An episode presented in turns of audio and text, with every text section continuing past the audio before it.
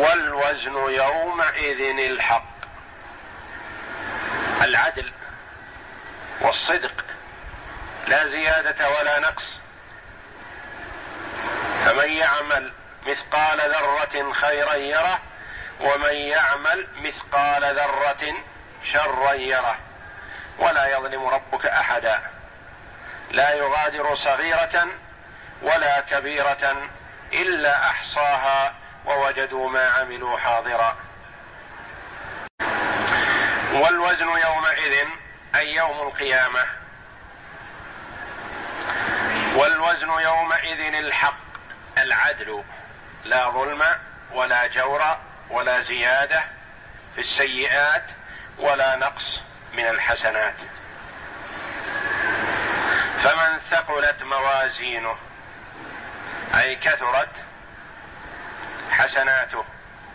امتلأت كفة الميزان بحسناته وأعماله الصالحة فهو الفائز المفلح السعيد.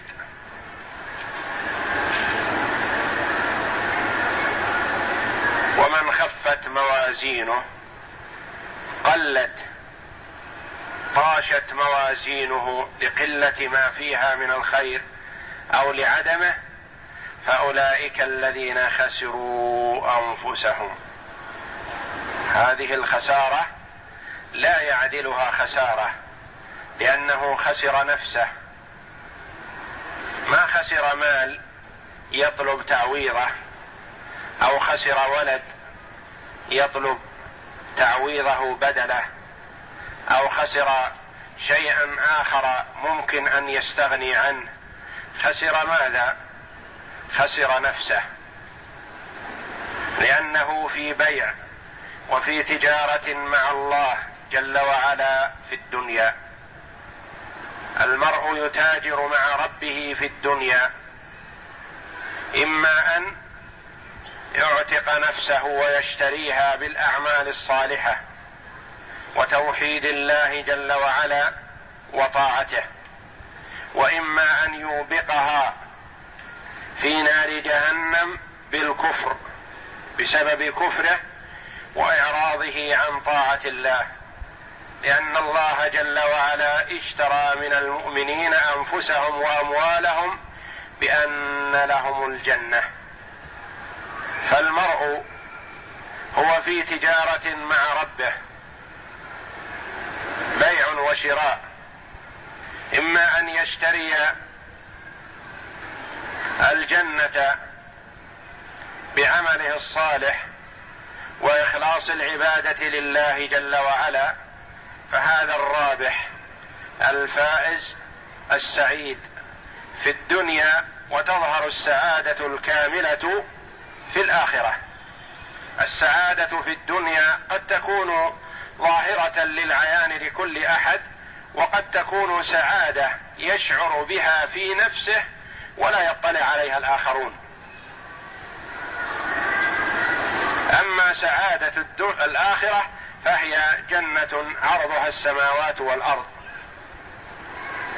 سعادة الدنيا قد يكون المرء في نفسه سعيدا وإن كان معدما وإن كان مريضا وإن كان مصابا بالمصائب لكن قلبه متعلق بالله وواثق به وأن ما حصل له خير له في دينه ودنياه.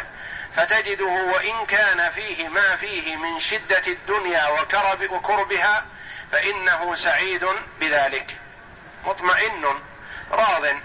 إن أصابه خير قال الحمد لله على ذلك وإن أصابته مصيبة صبر واحتسب ورضي بقضاء الله وقدره فتجده مطمئن القلب في جميع أحواله وهذه أعظم سعادة فسعادة الدنيا ليست بالمال والجاه والمنصب لأنه قد يتعب بهذا يتعب بالمال تعبا شديدا ويتعب بالمنصب أو الوظيفة أو العمل ويهتم لذلك هما شديدا. وإنما السعادة الدنيوية بما يلقيه الله جل وعلا في قلب عبده من الرضا بالله وبما قسم الله له. كما قال بعض السلف في صلاته في قيام الليل لو يعلم الملوك وأبناء الملوك ما نحن فيه لجالدون عليه بالسيوف. يعني ما هم فيه من اللذة والأنس وراحة القلب وإقبال القلب على الله جل وعلا بمناجاته ومخاطبة ربه. تجده في روضة في روضة وإن كان في مكان مظلما لا نور فيه لكن قلبه مسرور مبسوط بما هو فيه من مناجاة ربه والتلذذ بندائه وسؤاله ومخاطبته. ويعتقد أن قلبه أن ربه جل وعلا يسمع ما يقول.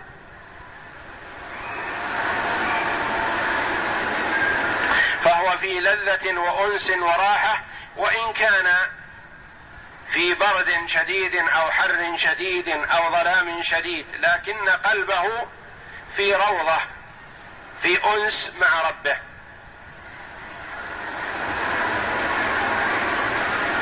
فهذا شيء من سعادة الدنيا وسعادة الآخرة لا يقدر قدرها ولا يحيط بها إلا الله جل وعلا. كما ورد في الحديث أعددت لعبادي الصالحين ما لا عين رأت ولا أذن سمعت ولا خطر على قلب بشر. مهما تصور الإنسان نعيم الآخرة فإنه لا يدركه ولا يخطر بباله أنه يحصل له هذا.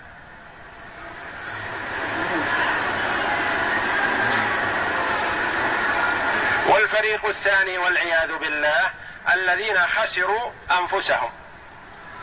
ما خسروا المال ولا خسروا الوظيفة ولا خسروا الجاه ولا خسروا الصحة وإنما خسر نفسه. أو بقها في نار جهنم والعياذ بالله. وهذه أعظم خسارة. بما؟ ما سبب هذه الخسارة؟ فاولئك الذين خسروا أنفسهم بماذا؟ بما كانوا بآياتنا يظلمون. والظلم هنا يراد به الجحود أو الكفر. بما كانوا بآيات الله يكفرون. إذا سمعوا آيات الله استهزأوا بها ولم يطمئنوا إليها ويرونها غير معقولة وغير لائقة. فلا يستجيبونها لها ولا يرعون. وينتقدون على من يستجيب لنداء الله ويرعوي ويخاف الله. وينتقدون على الذي يحافظ على الطاعة. وينتقدون على من يترك المعصية. لأن لأنهم في حالة جحود وإنكار لحق الله جل وعلا. وكفر بآيات الله. بهذا خسروا أنفسهم. ولو صدقوا بآيات الله وآمنوا بها لعملوا الصالحات. ولو عملوا الصالحات لأنقذوا أنفسهم. كل الناس يغدو فبائع نفسه فمعتقها أو موبقها. معتقها بطاعة الله جل وعلا والعمل بمرضاته أو موبقها مقيدها في نار جهنم بسبب المعاصي والعياذ بالله والكفر بالله. فأولئك الذين خسروا أنفسهم بما كانوا بآياتنا يظلمون. وآيات الله جل وعلا الآيات العلامات الدالة على توحيد الله جل وعلا. وقد يراد بها القرآن وقد يراد بها محمد صلى الله عليه وسلم لأن بعثته آية من آيات الله.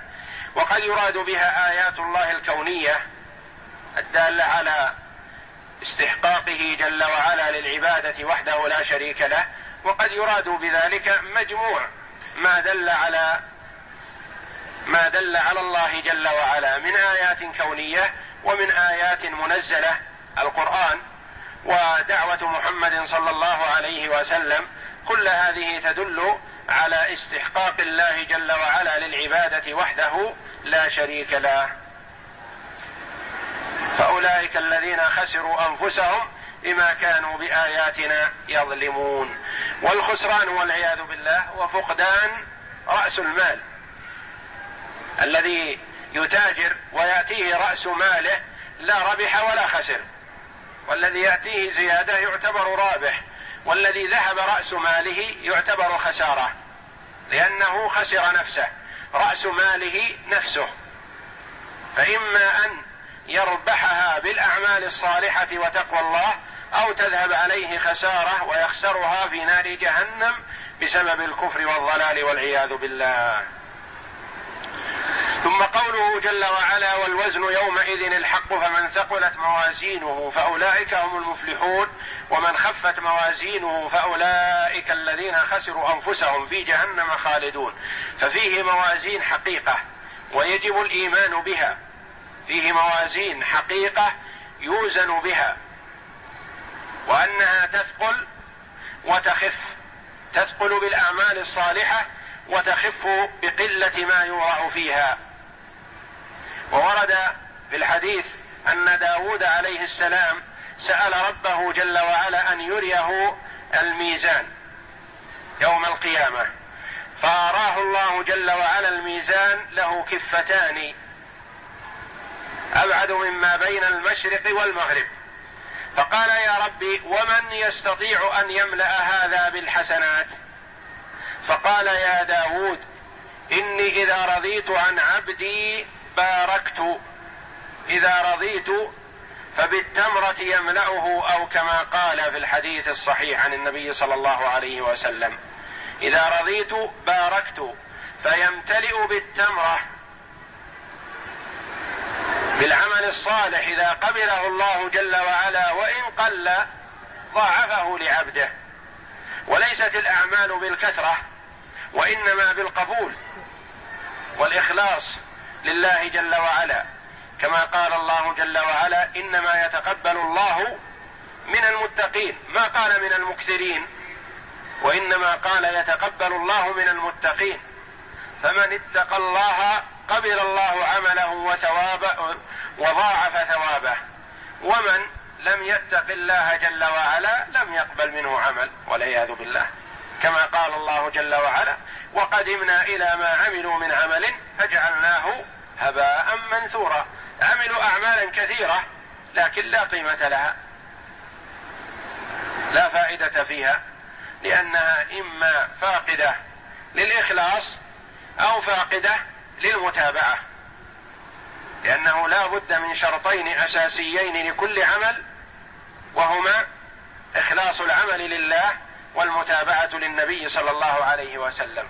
فمهما أخلص العبد لله جل وعلا ولم يتابع النبي صلى الله عليه وسلم فعمله مردود عليه.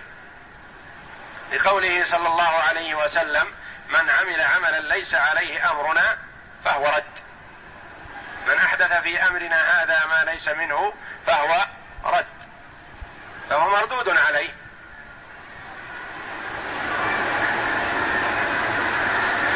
واذا عمل عملا وإن كان موافقا للسنة في ظاهره لكنه غير مخلص لله فيه فإن الله جل وعلا لا يقبله ولا ينفعه لأنه سبحانه يقول أنا أغنى الشركاء عن الشرك.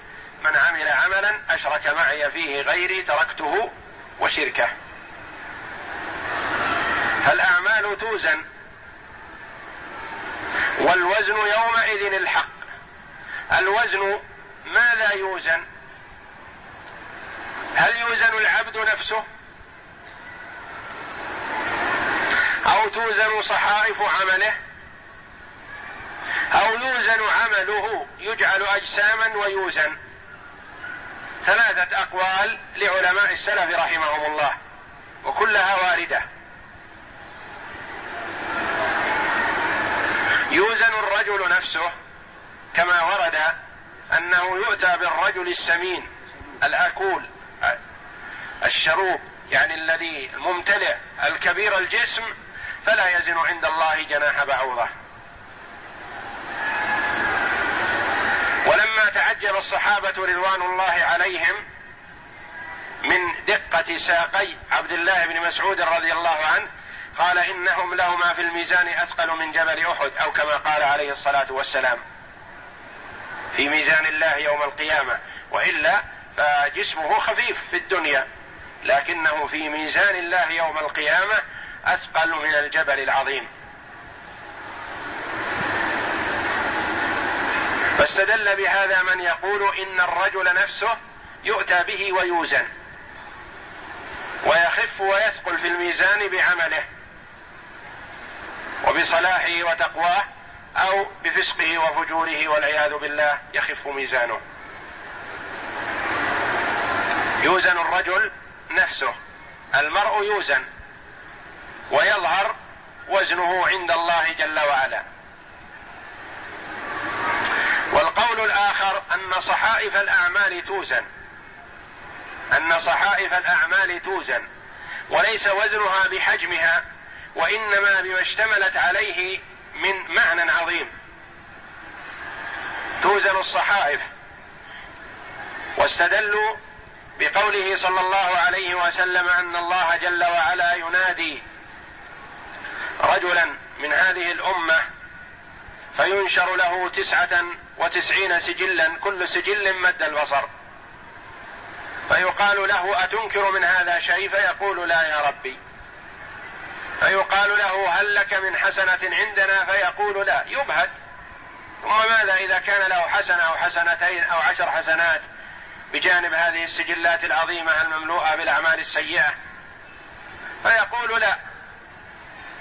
فيقول الله جل وعلا بلى إن لك عندنا حسنة. فيؤتى له ببطاقة مكتوب فيها شهادة أن لا إله إلا الله وأن محمدا رسول الله. فيقول يا ربي وما هذه البطاقة بجانب هذه السجلات؟ بطاقة ورقة صغيرة مكتوب فيها الشهادتين. وهذه السجلات تسعة وتسعين كل سجل مد البصر مملوء بالأعمال السيئة. وما هذه البطاقة بجانب السجلات؟ فيقول الله جل وعلا له إنك لا تظلم. سنزن هذا وهذا. فتوضع السجلات في كفة ولا إله إلا الله في كفة فطاشت السجلات وثقلت البطاقة. لأن البطاقة اشتملت على معنى عظيم اشتملت على توحيد الله جل وعلا الاعتراف بوحدانيته وهذه لا يعدلها شيء. يا ابن آدم لو أتيتني بقراب الأرض خطايا ثم لقيتني لا تشرك بي شيئا لاتيتك بقرابها مغفرة. إن الله لا يغفر أن يشرك به ويغفر ما دون ذلك لمن يشاء. ويغفر ما دون ذلك مهما كثر الشرك والوحيد الذي لا يغفره الله لأنه أظلم الظلم وتعد على حق الله جل وعلا. وصرف حقه إلى غيره من مخلوق لا ينفع ولا يضر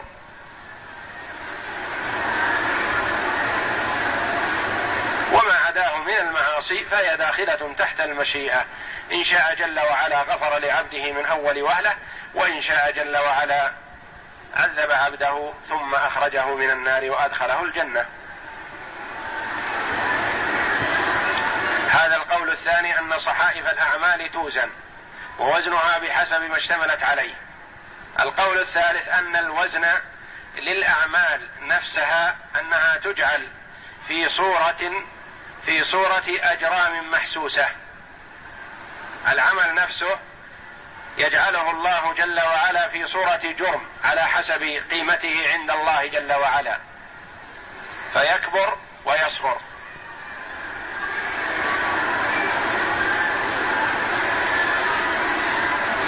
كما ورد أنه يؤتى بالقرآن يجيء القرآن إلى الرجل الذي يعمل به بما بمظهر شاب حسن الوجه حسن الصورة طيب الخلق. فيقول له من أنت؟ فيقول أنا الذي أسهرت ليلك وأظمأت نهارك. إنه لأن العبد الصالح يسهر الليل في قراءة القرآن وتدبره وتأمله. ويظمأ في النهار بصيامه امتثالا لأوامر القرآن. فيأتيه القرآن ويقول أنا أنا القرآن الذي أظمأت نهارك وأسهرت ليلك. فيشفع لصاحبه. ويؤتى بسورة البقرة وآل عمران كأنهما غمامتان أو غيابتان أو فرقان من طير صواف تشفعان لصاحبها يوم القيامة. ورد أن الله جل وعلا يتقبل الصدقة من عبده فيربيها لأحدكم كما يربي أحدكم فلوة. يربي نفس العمل ونفس الصدقة فتوضع في الميزان يوم القيامة. فلعلماء السلف رحمهم الله في القول في الموزون ثلاثة أقوال. منهم من قال توزن يوزن العبد نفسه ويظهر خفة وزنه وثقله عند الله جل وعلا وليست بالأجسام وإنما بما اشتملت عليه وبما أدته من الأعمال الصالحة.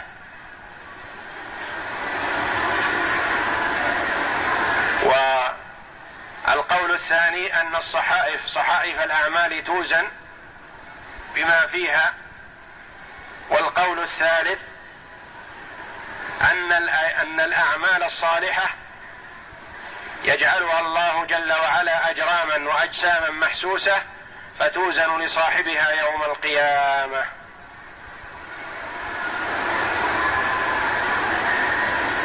وما فائدة الوزن وذكره؟ والله جل وعلا لا تخفى عليه خافية ولا يظلم ربك أحدا. فيه فوائد الوزن وذكره من ذلك امتحان الله جل وعلا لعباده في الدنيا بأن يذكر لهم ما يذكر من الشيء الذي قد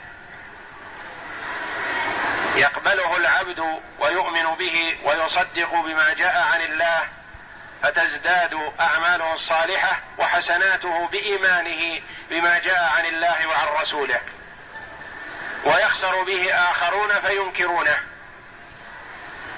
فهو ابتلاء من الله لعباده في الدنيا بالتصديق أو التكذيب. فمن صدق بما جاء عن الله فاز ونجح ومن رد ما جاء عن الله خاب وخسر. وفيه بيان عدل الله جل وعلا. وأن الله جل وعلا يوقف عبده على عمله.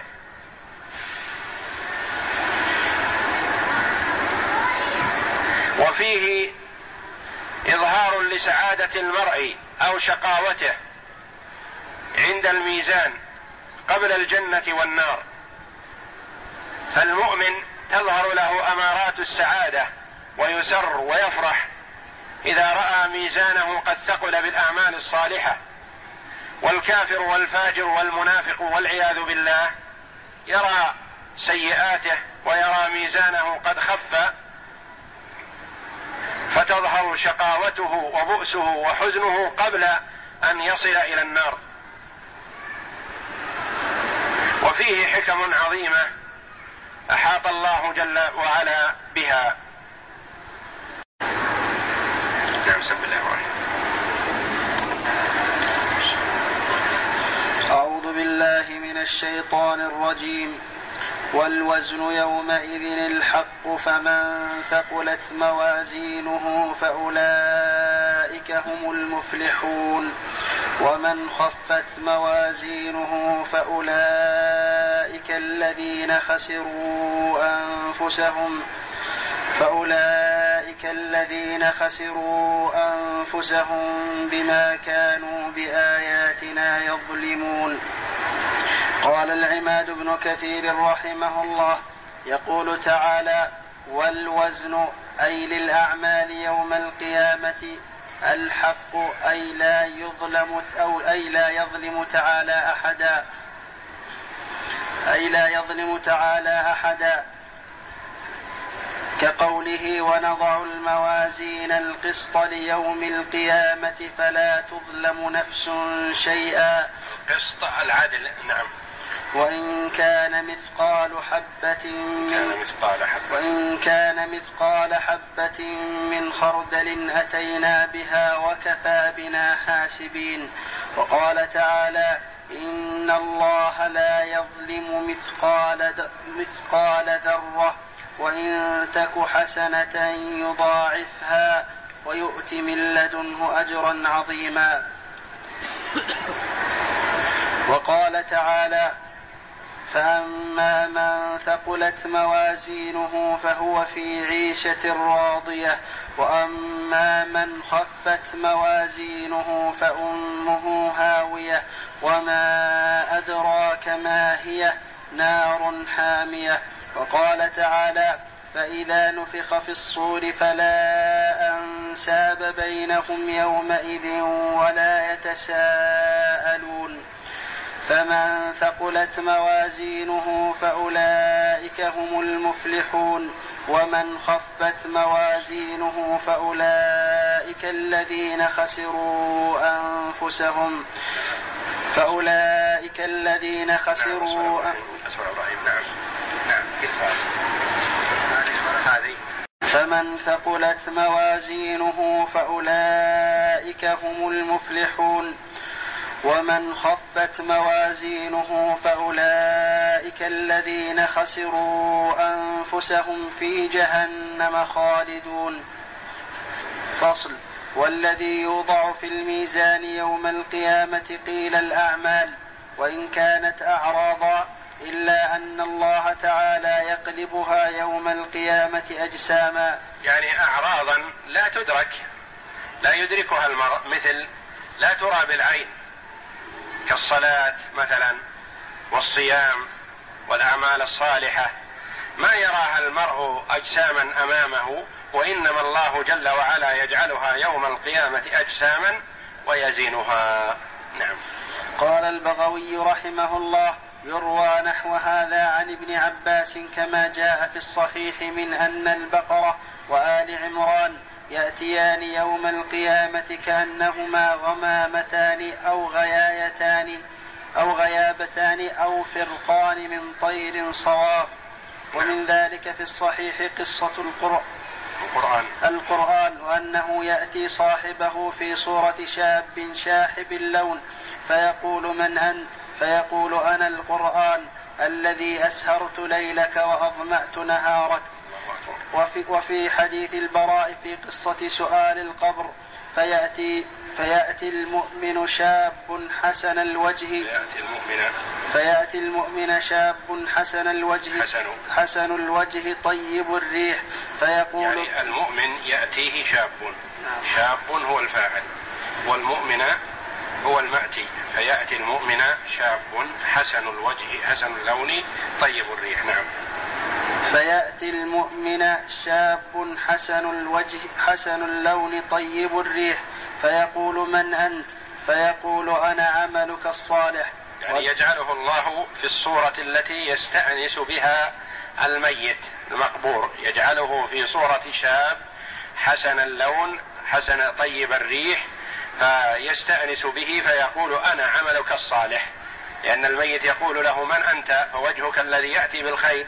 فيقول أنا عملك الصالح.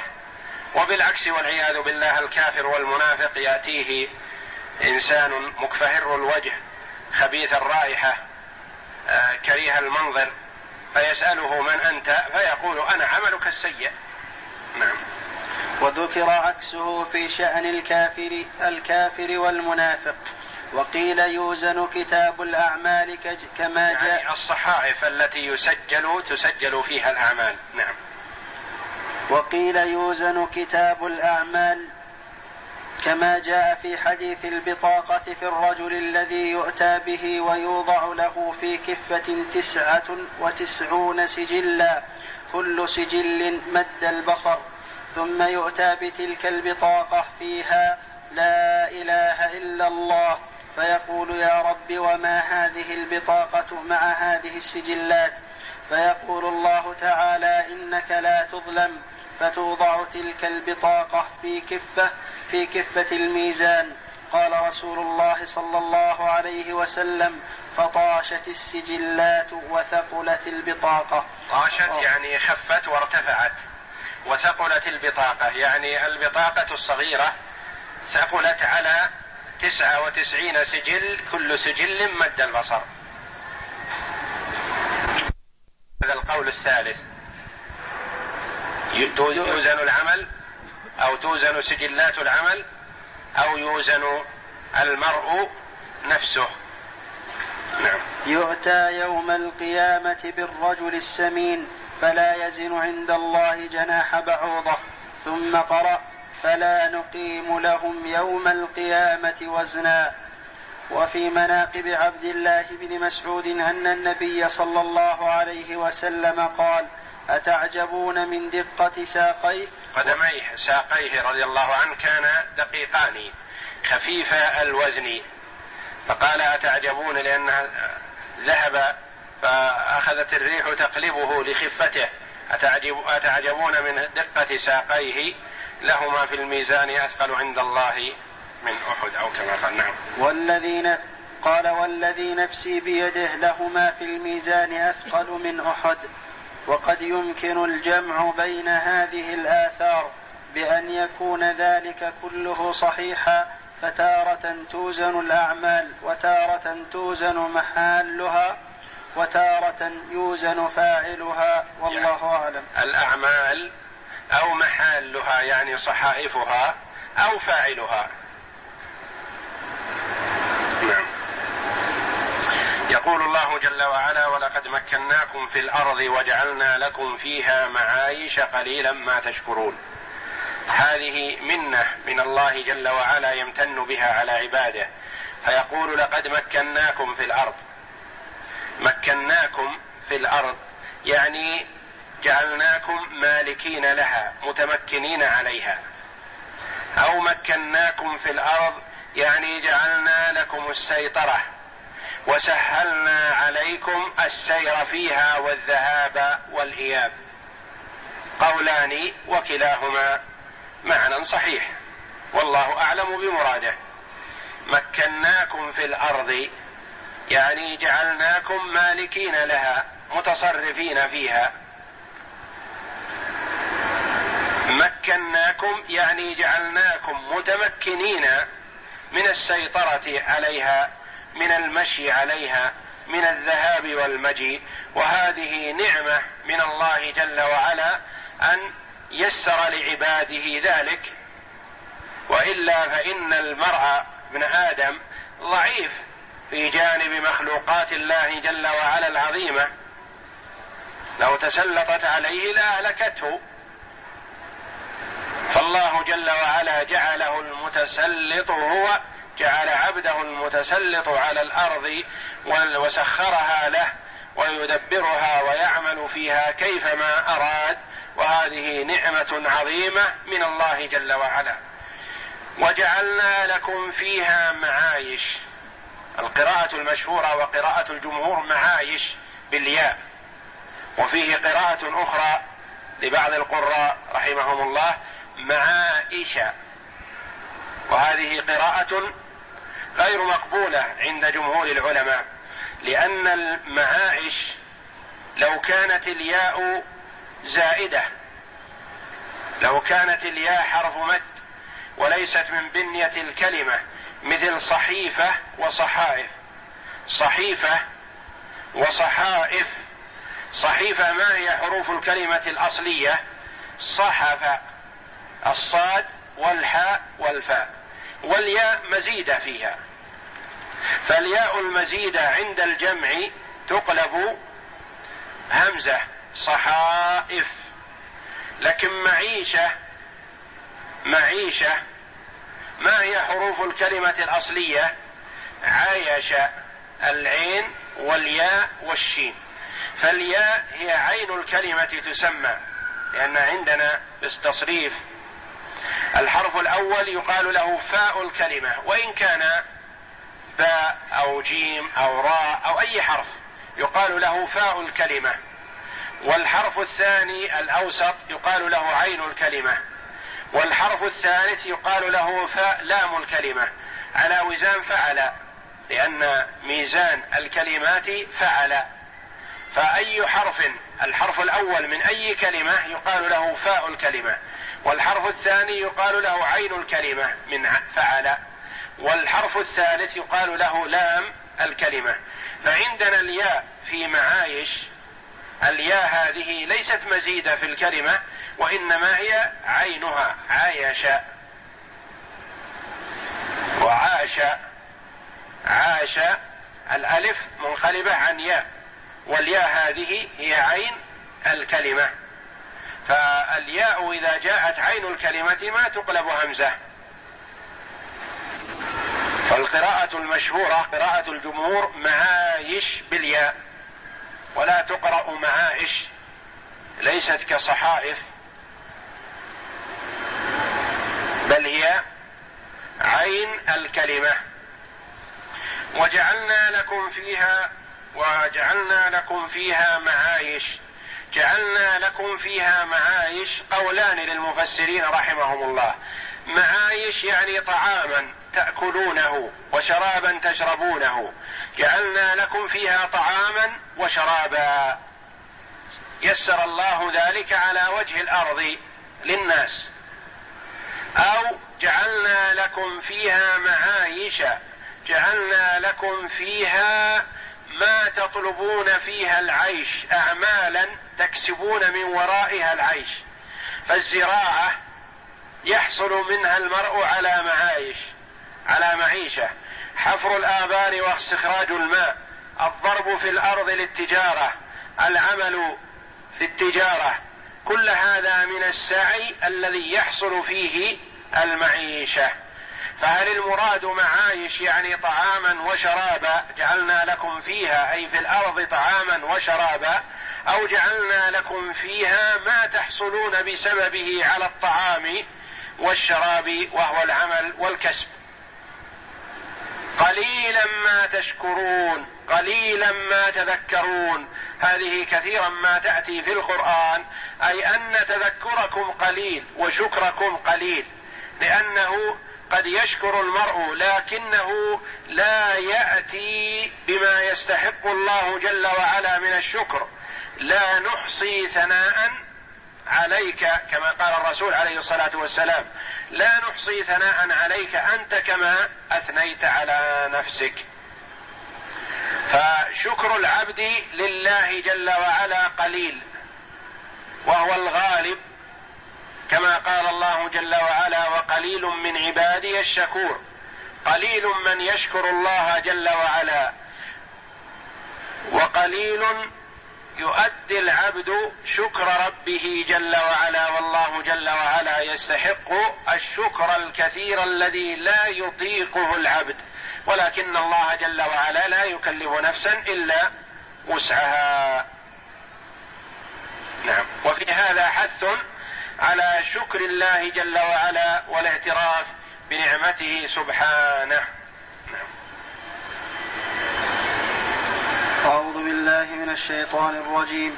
ولقد مكناكم في الأرض وجعلنا لكم فيها معايش قليلا ما تشكرون. يقول العماد بن كثير رحمه الله يقول تعالى ممتنا على عبيده فيما مكن لهم من أنه جعل الأرض قرارا وجعل فيها رواسي وأنهارا وجعل لهم فيها منازل وبيوتا وأباح لهم منافعها وسخر لهم السحاب وسخر لهم السحاب لإخراج أرزاقهم منها وجعل لهم فيها معايش أي مكاسب وأسبابا يكسبون بها ويتجرون فيها ويتسببون أنواع الأسباب وأكثرهم مع هذا قليل الشكر على ذلك كقوله وإن تعدوا نعمة الله لا تحصوها إن الإنسان لظلوم كفار. وقد قرأ الجميع معايش الجميع من القراء نعم. بلا همز إلا عبد الرحمن بن هرمز الأعرج فإنه همزها والصواب الذي عليه الأكثرون بلا همز.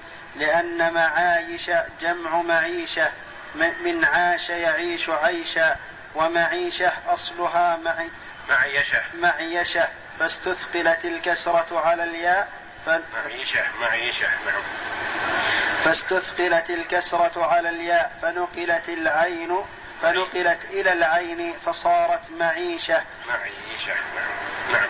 فلما جمعت رجعت الحركة إلى الياء لزوال الاستثقال فقيل معايش ووزنه مفاعل لأن الياء أصلية في الكلمة بخلاف مدائن وصحائف وبصائر جمع مدينة وصحيفة وبصيرة.